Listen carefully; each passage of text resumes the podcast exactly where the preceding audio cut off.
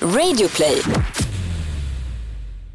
The Next M podcast powered by Bauer Media.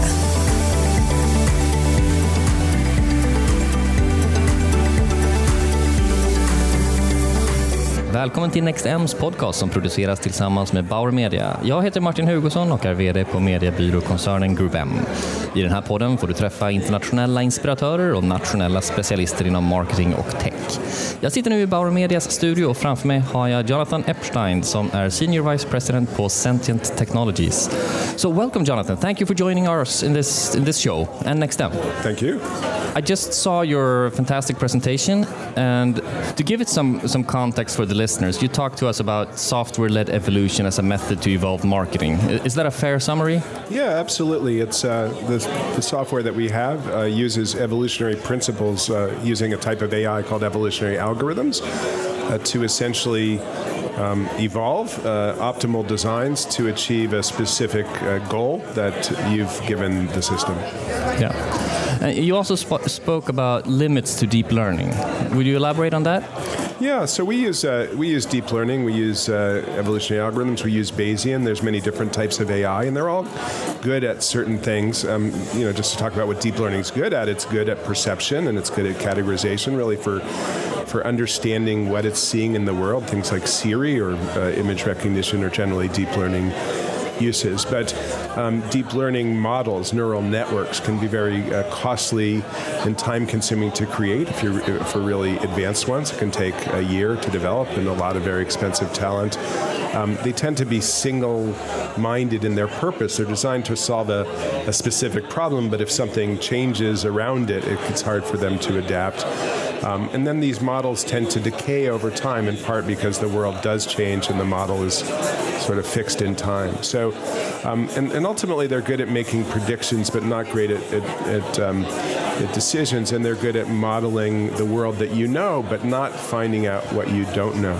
Now, evolution, you know, uh, you know, in comparison, evolution is a way that uh, you know as long as you define what is success what constitutes fitness as in survival of the fittest uh, these evolutionary principles can take large sets of ideas um, or, or, random ideas and um, evolve new designs, new truths, whether that's for a radio antenna or for a marketing campaign or a landing page or a website, um, again, to achieve uh, you know, higher and higher fitness. In the world of marketing, that's typically a conversion or a click um, or a certain action that we're trying to get the end user to take.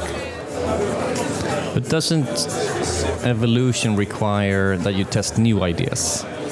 It, um, yeah, it, uh, it, it, does. Yeah, it uh, that's it is based on new ideas. So, um, evolu- the ideas um, can come from well, it, in, in, the world of marketing that we operate in, it's based around ideas, and the ideas would come from marketers. So, generally, if you uh, look at any marketing organization and ask them about their website or their ad campaign, uh, there are plenty of opinions about things that they should try. And uh, unfortunately, um, historically, people are very limited in their ability to actually test and try those things, limited by the amount of traffic they have and the sort of the traditional methods of of A/B testing and the, the traffic that it requires to generate a statistically significant result.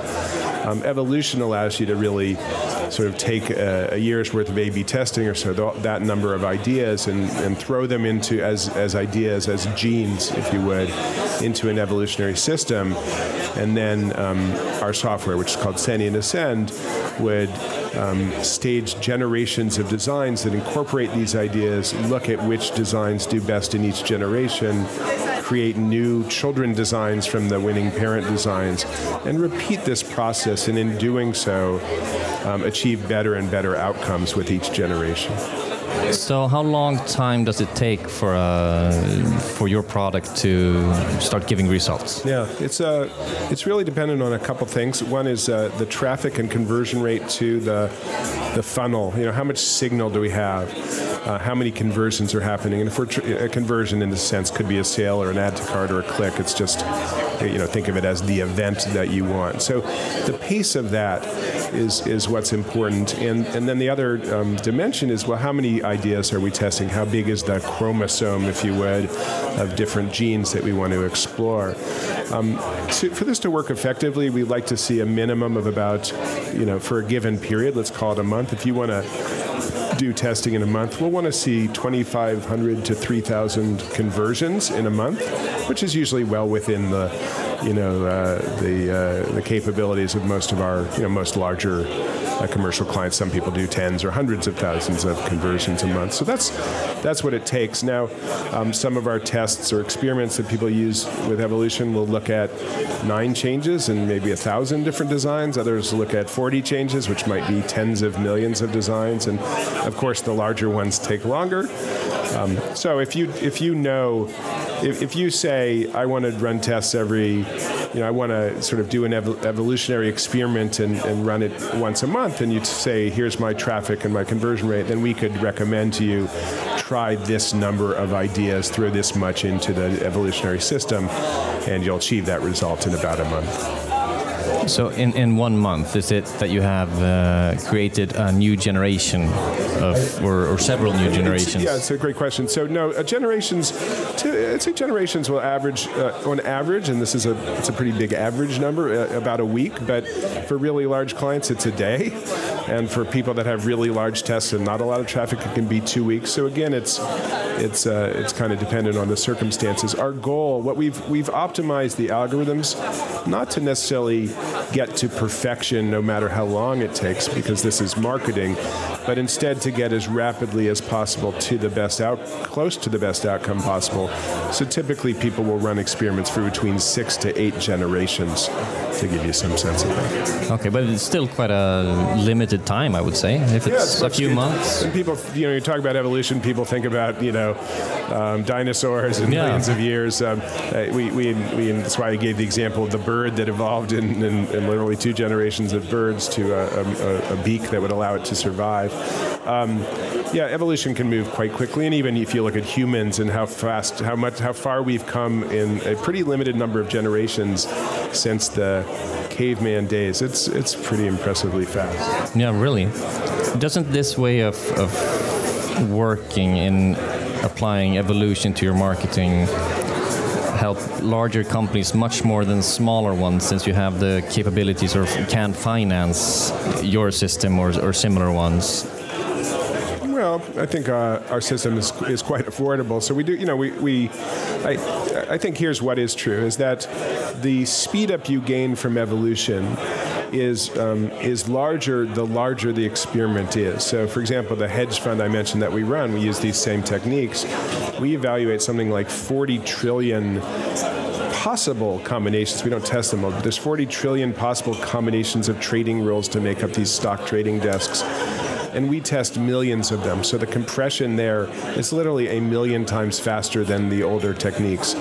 For smaller traffic, for smaller web optimization tests, it might be 10 times faster. So the bigger you are, the more efficient this is in speeding up your results. And in that sense, people with larger traffic have an advantage. However, um, I think you know one thing we you know not everyone's using it yet. So a lot of the companies we work with, you know, we work with some really large ones, but also some really innovative smaller companies that are using these approaches so that they can um, get up to the pace of you know their larger competitors and be able to in fact test faster than them uh, if their competitors are not using these approaches. The casework you presented and, and, the examples you've mentioned now have been around um, what I would call sort of short-term KPIs, sort of sales or conversions. Um, have you seen any negative effect on more long term, such as brand perception or so? Yeah. Um, so it's a, it's a good point, and, and you're right. Evolution is focused on, at least the way we're doing it in this system, on shorter term loops, right? So things like conversion or add to cart or clicks or, or actions. Um, and if, if you have a, a sort of a long tail conversion event, if it takes you you know three months to get to that purchase and that's what you're optimizing for it may not be the appropriate method because each generation will take you know should take about three months to go and then all of a sudden you have a very long um, a very long um, experiment. In terms of things like brand, um, we, you know, I had this discussion actually on the way on the way to uh, to this podcast. Um, we we encourage people to continue to hold their brand values, you know, close, and the system will only try what you let it try, and so um, you know, some companies are fine to sort of play with their brand attributes. Others are have very rigorous brand policies, and you know, where the system will only operate within the, the room you give it to to uh, you know to play. Um, we think brand still matters, right? We think that uh, the long-term value of the brand and the relationship that it has with the consumers do matter, and um, and evolution is you know I guess we haven't seen whether this would impact that. Our sense is that more customers and a better, easier journey to get there will tend to enhance people's perception of a brand, um, but yeah, it's something we'll be watching over time. Yeah, it would be interesting to see some kind of brand KPI and compare that um, that not evolution perhaps, but that um, development of those levels compared to the levels of conversions and sales that you successfully increase. What and, and, and, I guess it comes down to what are those KPIs for brand? I mean, we've had we've had this discussion before, and when we say, okay, how do you measure brand? That's a lot of people sort of stop. They, they can't answer that question. If there is a way to quantify it, if you whether it's engagement or you know, reading of content elements or net, net promoter score. You can, in fact, optimize on things like that as long as you, in fact, NPS is something that people use. Um, uh, which goes a little closer to brand perception than you know maybe a sale.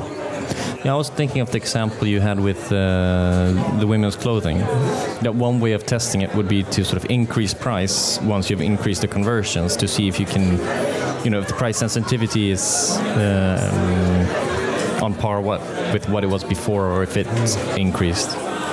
Yeah, we've seen, uh, in you know, I, I think I, I, mentioned that we use these technologies also for recommendations, and um, in the world of recommendations, we have seen that people will spend more when you recommend products that are more attuned with their personal, um, their personal tastes and habits, which you can sort of see from their browsing behavior and what products they're clicking on, and then use evolution to determine what to show them next. And so, in uh, a number of those client examples, we're seeing average order value go up, you know, usually between 10 and 15 percent. Uh, because people are getting to the products that they want as opposed to the products that you know we as merchandisers push at them. So the whole uh, the whole goal of that module is really to flip the paradigm and allow people to have much more control, even if it's implicit, not explicit, about uh, the products that they you know get to see. And you also spoke about creating not individual, but at least different versions for different segments or groups. Um, how large is the difference and what's the most effective in general? Is it is it a large difference or? Yeah, it depends on the circumstance, and that's something you know as that that that technology is in uh, beta test right now, and so we're researching that. Um, and uh, in some, we've, we've seen sort of two different patterns of behavior. In one case, it just simply enhances the overall exercise of evolution uh, much more quickly, and then there's another there's another pattern where it doesn't do anything better until evolution kind of levels off, and then it's able to improve performance from there. So um, we're looking at the algorithm and how things behave, but but clearly, you know, personalization well, maybe not clearly, um, but our belief is uh, personalization, you know, should be there for a reason. That you should do it to achieve some sort of business outcome, whether that's a brand outcome or a sales outcome, um, and that uh, you know. So our focus in in using these technologies is really to connect personalization and optimization against a very specific goal, whatever those business goals may be. I guess in the example with the clothes, it's uh, at least two groups if you're buying it for yourself or if it's a present, and that would, I guess, have different interfaces. Uh, I think you know it's a great point. point, and so with our other technology, which is a, a product called Sentient Aware, uh, a lot of the input for the recommendations comes from the real-time click stream of what products you're looking for. Because you're right, you might if you're shopping for yourself, you're going to be looking at very different products than if you're shopping for your child, and um, in fact, we don't place a lot of, in that example, credence on past clickstream data be, be for that very reason. It's that, you know, even if it's for yourself, there's a difference between shopping for work and shopping for the party, And so, uh, by being able to tune into in the moment signals, then we think that's more effective at, at driving better product recommendations. Uh, and I think in, in the end, uh, you discussed if it's um, humans against robots or if we're doing it together. And uh, I guess the last couple of, of years, it's been a hot topic, and and we always come to the conclusion that uh, software or robots or agents will free up time for people, so we can do more complex or creative creative work, and it wouldn't necessarily mean that we need less resource or less staff. Um, but I'm thinking, what, what's your view on, on, the people that don't want to do more complex things or don't want to work with uh, sort of creative assignments? Won't they be redundant?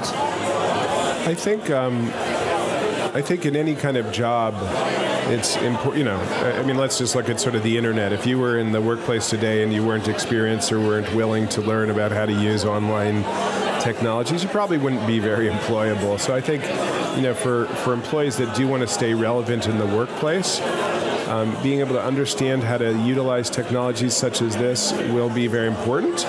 Um, it doesn't mean you need to be able to write AI, or it's, it's really about, and, and, and, in fact, in, in, in many ways, the use of AI is trying, you know, the best AI is not, you know, doesn't require much of the user other than ideas and ideation. I think my view on it is, you know, uh, there's a lot of debate. Is AI going to cost jobs? Is it it's certainly going to change jobs. So if you want to stay in your job and you want to continue to work, then it's important to you know be able to use the new tools, whatever they may be, ours or anyone else's. Um, whether or not AI costs jobs, I think we can agree on this. AI will enhance productivity. How that enha- how those gains are leveraged? Does it you know will the company let people go and increase profitability? Will the company in reinvest and, and, and deploy these people into new tests? It's a human decision, and I think it's really up to us to determine, you know, how do we want to play out? Do we want to invest our productivity gains in growth, or do we want to take them in profit? And that's more than anything else, more than any technology aspect, is going to determine the impact of these technologies on jobs. So you have. Uh a product or a service that can increase the average sale with 10 to 15 percent. Yep. What does a Swedish advertiser do to get in contact with you? Or yeah, so um, yeah, so uh, we have a website that's uh, www.ascend.ai. That's A S C E N D uh, dot AI. Um, there's uh, there's ways to contact us on the site. Um, we have an office in Europe, uh, based in Amsterdam. So we have uh, people that are here. Uh, we'll be back. Uh, in Sweden, quite regularly. I know uh, there's a conversion-oriented conference called Conversion Jam that we'll be attending and sponsoring in September, usually in September of this year. but yeah, go to the website, check it out. There's plenty of good white papers and case studies and and many different ways you can contact us there. Uh, if you want, you can people can reach out to me directly. Uh, uh, I'm at uh, jonathan.epstein at sentient.ai. Cool. Thank you so much for joining us at NextM. Thank you.